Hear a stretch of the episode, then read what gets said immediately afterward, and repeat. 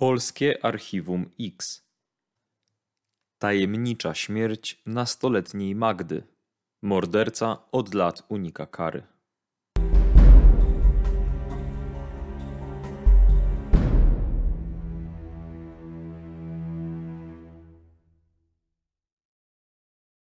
Biała trumna stała na środku kościoła Chrystusa Króla na kieleckim Baranówku. Do jej wierzchu przypięty był bukiet białych róż. Ubrany w fioletowy ornat, z okularami na nosie, ksiądz Sławomir Grabiec zwrócił się do zgromadzonych. Módlmy się o surową karę dla tego, kto skrzywdził Magdę. Na chwilę zawiesił głos i dodał: I o to, żeby sumienie do końca życia nie pozwoliło mu zapomnieć o tym, co zrobił.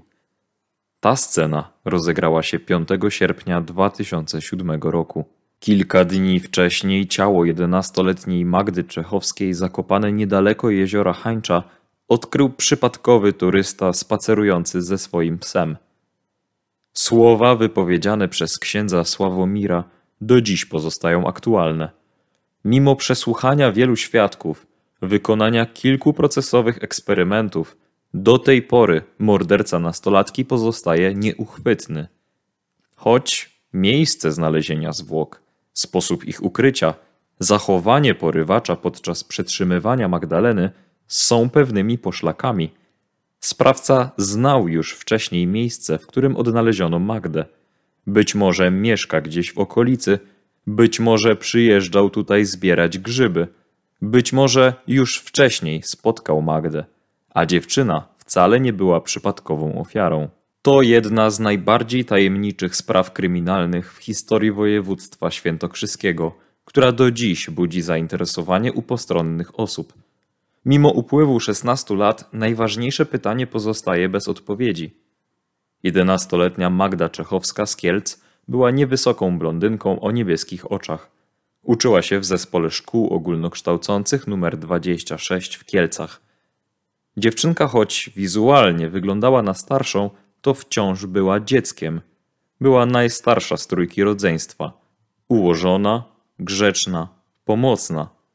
Magda miała problemy zdrowotne, chorowała na astmę. Dziewczynka uwielbiała zwierzęta, w szczególności konie. Nastolatka wolne chwile lubiła spędzać w towarzystwie piętnastoletniej Elizy, która była dla niej ciocią. Mama Magdy i Eliza były siostrami – ale między nimi była spora różnica wieku. 3 lipca 2007 roku Magda bardzo chciała zobaczyć się z Elizą i pojechać z nią do stadniny koni na obrzeżach Kielc. Mama nastolatki początkowo nie chciała się na to zgodzić. Magda jednak nalegała. Tłumaczyła, że za dwa dni wyjeżdża na wakacje nad morze i nie zobaczy się z Elizą przez dłuższy czas. Ten argument zaważył, a dziewczyna otrzymała zgodę. Magda i Eliza pojechały do stadniny autobusem. Mama nastolatki dała ultimatum. W domu ma być o godzinie dziewiętnastej, a Eliza mają odprowadzić pod same drzwi.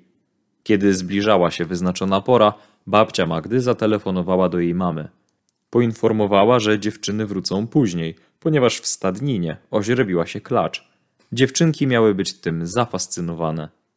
Babcia Magdy, która znała właściciela stadniny, powiedziała, że odwiezie on dziewczynki do centrum miasta.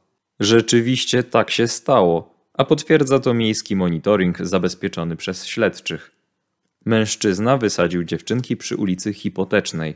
Wraz z Magdą i Elizą była jeszcze ich dwunastoletnia koleżanka Aleksandra. Dziewczynki po tym jak wysiadły z samochodu, ruszyły w stronę deptaku znajdującego się przy ulicy Sienkiewicza – a następnie poszły w stronę skrzyżowania z ulicą Paderewskiego. Tutaj nastolatki się rozdzielają. Eliza, mimo że obiecała odprowadzić Magdę pod blok, nie robi tego. Dziewczyna od skrzyżowania z ulicą Paderewskiego w kierunku osiedla Czarnów idzie już sama. Do pokonania ma m.in. tunel pod dworcem kolejowym. Kamera monitoringu rejestruje nastolatkę ostatni raz o godzinie 20.43 kiedy ta podąża w stronę wyjścia przy ulicy Mielczarskiego.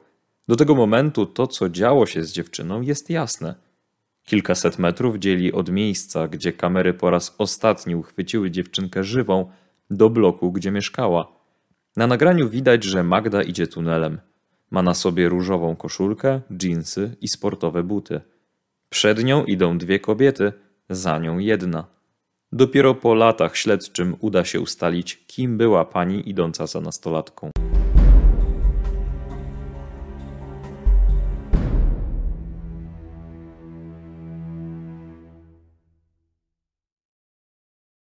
Kiedy zapadł już wieczór, a Magda nie pojawiła się w domu, jej mama zadzwoniła do Elizy. Dziewczyna już spała. Mama Magdy zapytała ją, gdzie jest córka. Według relacji kobiety Eliza rozłączyła się. Później Eliza twierdziła najpierw, że odprowadziła Magdę pod dom, potem zmieniła wersję i powiedziała jej, że towarzyszyła aż do tunelu kolejowego. Kolejna wersja to, że dziewczyny rozstały się na ulicy Jagiellońskiej. Wersje się zmieniały, a Eliza przez lata nigdy nie wytłumaczyła mamie Magdy, czym było to spowodowane. W 2016 roku dziennikarz śledczy interwencji Polsatu Rafał Zalewski dotarł do Elizy. Dziewczyna wyznała mu, że dręczą ją wyrzuty sumienia. Nigdy w życiu sobie tego nie wybaczę, że jej nie odprowadziłam. A nuż, może by się nic nie stało. W ostateczności obydwie byśmy nie żyły. Wtedy przynajmniej nie miałabym wyrzutów sumienia.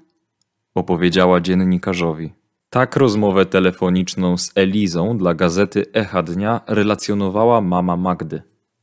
Mówiła, że wróciły już dawno. Najpierw twierdziła, że z jeszcze jedną koleżanką odprowadziły Magdę do domu na ulicę Jagiellońską. Potem, że to ta koleżanka przeprowadziła moją córkę przez tunel. Wreszcie przyznała, że rozstały się na ulicy Sienkiewicza, a nie opodal zejścia do tunelu. Opowiedziała dziennikarzowi. Tuż po rozmowie z Elizą, mama Magdy razem z sąsiadem zaczęła poszukiwania córki na własną rękę. Kiedy te nie przyniosły rezultatu, tuż po 23 zawiadomiła policję. Informacja o zaginięciu dziewczynki szybko przedostała się do mediów. Intensywne poszukiwania i wielka mobilizacja policji trwają od dwóch dni. Rozpoczęto je tuż po zgłoszeniu zaginięcia dziecka we wtorek. Policja użyła psów tropiących. Niestety padał deszcz, co niemal uniemożliwiło wytropienie przez zwierzęta śladu dziewczynki. Policja przeszukała cały rejon wokół dworca oraz ulice prowadzące na osiedle Czarnów, gdzie mieszka Magda. Sprawdzono studzienki kanalizacyjne, piwnice i bajorka w rejonie zaginięcia. Przeszukano wszystkie drogi, którymi jedenastolatka mogła wracać do domu. Policja dociera do obsługi pociągów, które po godzinie 20.40 odjeżdżały z Kieleckiego dworca. Pisała 5 lipca 2007 roku Gazeta Wyborcza. Dzień później dziennikarze poinformowali, że komendant wojewódzki policji w Kielcach wyznaczył 5 tysięcy złotych nagrody za pomoc w znalezieniu sprawcy. Kolejne 30 tysięcy złotych dorzucił ówczesny prezydent Kielc Wojciech Lubawski. Zdjęcie dziewczynki pokazywano w telewizji, drukowano w prasie, a setki policjantów przeszukiwały Kielce, wypytując przechodniów, czy nie widzieli nastolatki. Sprawa stała się medialna, a to spowodowało, że śledczy z Kielc dostawali bardzo dużo informacji. Ktoś widział dziewczynkę w Tarnowie, ktoś inny na Helu. Z powodu szumu informacyjnego panował duży chaos, a policjanci musieli sprawdzić każdy trop. Wszystkie z nich okazały się jednak ślepymi zaułkami. Kilka dni po zaginięciu śledczy dotarli do osoby, która podrzuciła ważny trop. Świadek tamtego wieczora przebywał w okolicy dworca kolejowego. Z jego opowieści wynikało, że Magda wyszła z tunelu przy ulicy Mielczarskiego i podeszła do dwóch mężczyzn stojących przy ciemnym wanie i zaczęła z nimi rozmawiać. Jedna z wersji mówi o tym, że mógł to być Opel Zafir, druga, że Citroën Picasso. Informacja ta jednak nie przedostała się od razu do opinii publicznej. Dopiero rok po zniknięciu Magdaleny ujawnił ją dziennikarz śledczy Michał Fajbusiewicz. W sprawę zaangażował się jasnowic Krzysztof Jackowski. Do Kielc przyjechał również Krzysztof Rutkowski. Detektyw skrytykował policjantów oraz zaproponował nagrodę za informację o losie dziewczynki.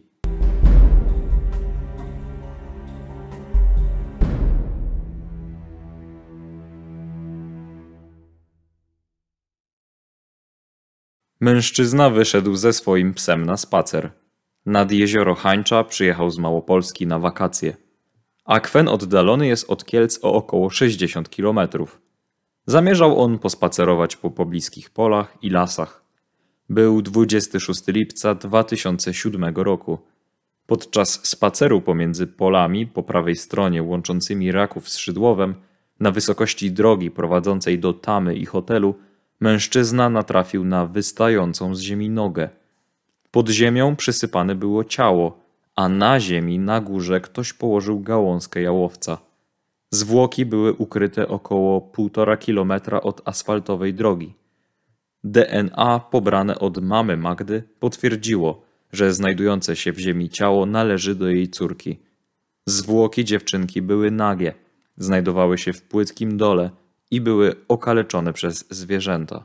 Badaliśmy ślady biologiczne, używany był wariograf, weryfikowaliśmy ślady daktyloskopijne. Prowadziliśmy też przeszukania ustalonych miejsc i budynków. Był nawet eksperyment procesowy polegający na badaniu poszczególnych etapów procesu usychania gałęzi jałowca i sosny, bo takie znaleziono w pobliżu zwłok. To miało zawęzić pewien obszar czasowy, który wynikał z materiałów sprawy. Mówił w 2021 roku w rozmowie z dziennikarzem Onetu Piotrem Rogozińskim prokurator Daniel Prokopowicz, rzecznik prokuratury okręgowej w Kielcach. Medycy sądowi określili, że Magda zmarła pomiędzy 16 a 19 lipca. Oznacza to, że po zniknięciu żyła jeszcze około dwa tygodnie. Dziewczyna została uduszona, a morderca zasłonił jej usta i nos dłonią lub poduszką. Co ciekawe, biegłym udało się ustalić, że dziewczyna jadła przed śmiercią fasolkę, którą bardzo lubiła. To, jak twierdzą śledczy, może być ważnym znakiem. Dla sprawcy lub sprawców, zdaniem niektórych policjantów, Magdalena w jakiś sposób była ważna. Zależało im na tym, żeby w jakiś sposób dobrze ją traktować. Wyniki sekcji zwłok wskazują również, że Magda nie była pod wpływem narkotyków lub alkoholu. Śledczy uznali również, że do morderstwa doszło na tle seksualnym. Policja po odnalezieniu ciała dziewczyny wyznaczyła nagrodę 20 tysięcy złotych za pomoc w ustaleniu sprawcy morderstwa. Jednak żadna z przekazanych informacji nie doprowadziła do ujęcia sprawcy. Ostatecznie śledztwo zostało umorzone w listopadzie 2008 roku.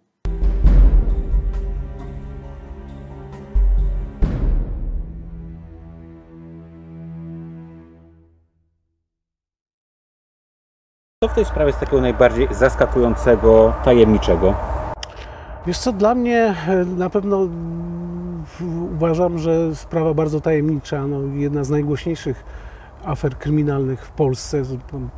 Faktycznie żyła tą sprawą cała Polska. E, to nagranie z tunelu, gdzie jest ostatni raz widziana e, nastolatka z Kielczyn, Magdalena Czechowska no, było praktycznie we wszystkich wiadomościach, w dziennikach, w telewizji, w mediach rodzących się wtedy w Polsce. Co jest dla mnie dziwne, prawda, że ta dziewczyna no, przebywa wraz ze swoją, można powiedzieć, ciocią 15-letnią, siostrą matki w stadninie koni, oddalej, niedaleko od, od Kielc i właściwie jej zwłoki zostają znalezione no, w pobliżu tej stadniny. I to jest tutaj dla mnie taka wielka tajemnica. Y, nie miałem dostępu oczywiście do materiałów tej sprawy, bo mm, zwracaliśmy się do prokuratury, aby mieć dostęp do Agny, jednakże że nie uzyskaliśmy dostępu, stąd mogę się opierać tutaj na, na doniesieniach medialnych w tej sprawie. Y, kolejna rzecz, to tutaj znany nam y, dziennikarz z Polsatu, Rafał, no, ustalił, w rozmowie, rozumiem właśnie, że z młodszą siostrą matki y, Magdaleny, że ona za pośrednictwem właśnie tego telefonu, tej cioci, no, pisała niedwuznaczne informacje. No, ta ciocia nie chciała nic bliżej podać, prawda? Jak, ja nie wiem, czy ten wątek w ogóle był brany pod uwagę w śledztwie. I trzecia rzecz, no, to, to te rzeczy, które no, już podawała matka, że no, rozmowa rozmawiała z swoją siostrą, która na początku przekonywała, że odprowadziła ją pod dom. Później się okazało, że to jednak była nieprawda. Zawsze, gdzie są takie, można powiedzieć, kłamstewka, rozmijanie się y, z, tą, z tymi faktami, no trzeba to przyjrzeć się temu i sprawdzić, jaka była przyczyna właśnie takich zachowań ze strony no, no tutaj y, towarzyszki tych ostatnich chwil życia Magdaleny Czechowskiej. Być może to jest jakaś inna przyczyna, niezwiązana ze sprawą jej zabójstwa, ale myślę, że tutaj trzeba to y, wyjaśnić i ustalić skąd takie właśnie zachowania. To, co mnie zastanawia w tej historii, to właśnie jest to, że Magda wraca do Kielc i jej zwłoki zostają znalezione koło stadniny, która jest oddalona no, kilkanaście kilometrów y, od, od Kielc, od miasta. Mariusz, no właśnie, ona w jakiś sposób musiała się tam y, dostać, ją tam musiał zawieźć. Czy to miejsce Twoim zdaniem jest przypadkowe? Tak, ona musiała tam, y, biorąc pod uwagę te ustalenia, o których tutaj mówił wcześniej Bogdan, że jest zapis monitoringu, który rejestruje y, Magdalenę, y, która powróciła do Kielc. Nagle zwłoki odnajdują się w okolicach tej stadniny. Tutaj mamy do czynienia, to nie jest na pewno z naszego doświadczenia przypadkowe miejsce. Y, O przypadkowym miejscu mówilibyśmy, gdyby Magdalena, te zwłoki zostały, zostały gdzieś schowane w innym miejscu, czyli wraca do Kielc, y, ktoś zakładając y, ją uprowadził, następnie dokonuje zabójstwa i te zwłoki znajdują się w, innym miejscu, a nie w miejscu w, w tym, w którym była związana, w którym była wcześniej. Czyli tutaj możemy brać pod uwagę, że sprawca doskonale zna tamten teren, znał ją jako, jako osobę i ukrywa te zwłoki w znanym sobie terenie i terenie związanym z jej pobytem. No tutaj ta zagadka, tam pojawia się świadek, który mówi o, o tajemniczym samochodzie wanie, dwóch mężczyznach. E, My nie mamy weryfikacji tych informacji, nie zostało to ustalone. Natomiast no, niepodważalnym jest to, że nagle e, osoba, która wróciła do Kielc, jej zwłoki znajdują się 50 km dalej, w miejscu związanym z jej wcześniejszym e, pobytem parę godzin e, wcześniej, gdzie udała się do tej stadniny koni.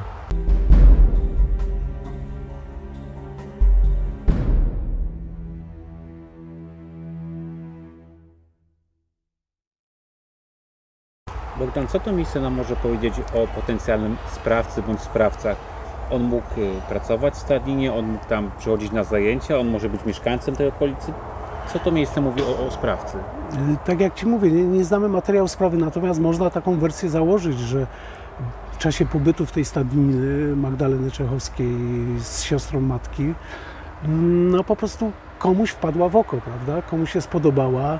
Nie można też y, na tym etapie też y, wiedzy o tym zdarzeniu mm, wykluczyć, że ona sama się dobrowolnie udała, prawda, z tym człowiekiem, który później się okazał jej sprawcą zabójstwa. Tam się pojawia informacja, że ona mogła żyć od momentu zaginięcia, czyli 3 lipca 2007 roku, przez około nawet okresu dwóch tygodni. Ja to bym był bardzo ostrożny, bo mam mm, wiedzę tutaj z Zakładu Medycyny Sądowej w Krakowie i wiem, że to bardzo trudno jest ustalić moment y, śmierci.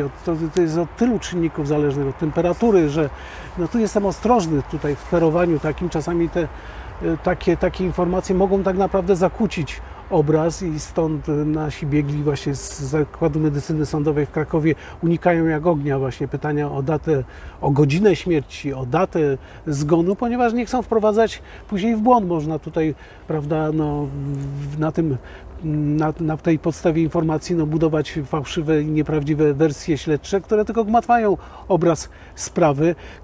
Tam jest też tajemnicza sprawa, że w rządku no, do sprawy naprawdę była wnikliwie badana z tego, co wynika i, i naprawdę policja tutaj z Kielc y, sięgnęła do szeregu różnych y, nietypowych takich czynności procesowych. No, ustalono, że w rządku miała ulubioną potrawę, fasolkę, a z tego, co uda- udało nam się ustalić, to nie, tą fasolkę nie spożywała w miejscu swojego zamieszkania, czyli w domu rodzinnym. Czyli tak jakby ktoś znał jej upodobania kulinarne, to też by wskazywało, że być może no, w jakiś sposób mm, ofiara, późniejsza ofiara nawet dobrowolnie się udała w to miejsce. Niewątpliwie w tej sprawie tu się zgodzę z biegłymi, którzy zostali powołani w sprawie, że no, sprawa ma tło seksualne. Pamiętać trzeba, że te zwłoki Magdy zostały ujawnione nagie. Tutaj, że jest dodatkowo to miejsce, to nie jest głęboko ukryte zwłoki, tylko mm, 30 centymetrów na tym, co świadczy, jakby ktoś nie miał jakby siły, być może doświadczenia życiowego yy, i nie, zako- nie zakopał głęboko, prawda? Też dodatkowo ta, ta gałąź jałowca, czy drzewko jałowca, które było w tym miejscu, być może sprawca sobie chciał zaznaczyć to miejsce, żeby potem, yy, nie wiem, nie wiem, dla mnie jest to tutaj to tajemnicze, ten jałowiec, po co takie, yy, po co taką dodatkową taki rekwizyt, można by powiedzieć, troszeczkę teatralny, z- znajduje się w, yy, w pobliżu no, no, miejsca spoczynku Magdaleny Czechowskiej.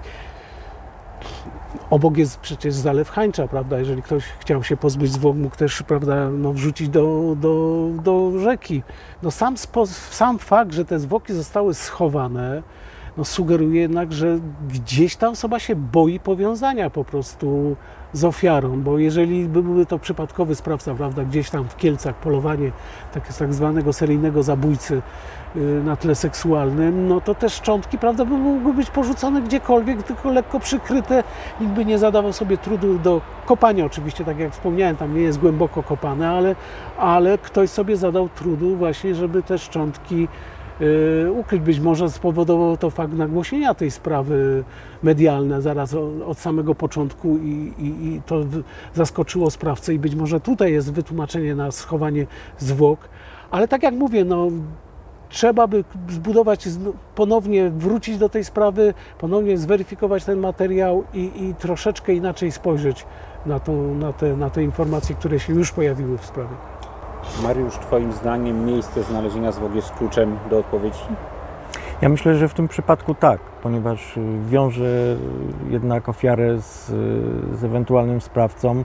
Y, To, o czym mówimy cały czas w naszym programie, że jest to stadnina, do której się udała wcześniej, y, wróciła do miejsca zamieszkania i jej zwłoki zostały ujawnione z powrotem y, w tym miejscu. Tutaj możemy zakładać to, że jednak sprawca jest powiązany z tym miejscem i, i tak jak tutaj stwierdził Bogdan, być może nagłośnienie zaginięcia spowodowało to, że on bardzo na szybko, można tak powiedzieć, yy, starał się pozbyć tych zwłok i, i ukrył je w, w tym miejscu, które było powiązane i z nim, i, i, i z Magdaleną, gdzie wcześniej się pojawiała, gdzie wcześniej przyjeżdżała do tej stadniny. Tak jak Mariusz mówi, to miejsce na pewno nie jest przypadkowe. Sprawca musi mieć kontrolę, musi wiedzieć, gdzie możecie się czuć swobodnie, zwłaszcza z tego, co, co ja wnioskuję, to miejsce nie jest w lesie położone, prawda, gdzie, gdzie można się ukryć, prawda, przed, przed jakimiś osobami postronnymi. Jest to, jest to na polach nieużytku, prawda, czyli w, w otwartej przestrzeni. Tym bardziej doskonale sprawca wie, że w tym miejscu nikt nie chodzi, nikt się nie porusza. To jest wiedza, którą się nabywa, no, przebywając w tym miejscu, prawdopodobnie mieszkając. Albo Lub jak- będąc związany z tym związany miejscem. z tym miejscem. To, to, to, tu nie ulega żadnych wątpliwości. Sprawca znał to doskonale miejsce. I to jest bardzo ważna wskazówka właśnie, gdzie szukać potencjalnego sprawcy.